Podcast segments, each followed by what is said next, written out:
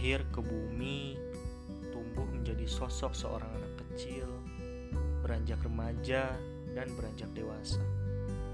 Pasti banyak hal yang akan dilalui selama proses kehidupan itu. Entah itu rasa sedih, bahagia, kemudian tangis atau tawa. Kalau kata iklan di TV sih, permainan nano banyak rasanya. Dan gua pikir ya seperti itu juga lah kehidupan banyak rasanya. Di sini podcast gua bakal menceritakan berbagai kisah kehidupan yang mungkin kita semua pernah alami juga. Dan gue harap sih dengan kisah kehidupan yang ada di podcast gua ini bisa bawa sisi positif kalian dengan berbagai macam hikmahnya.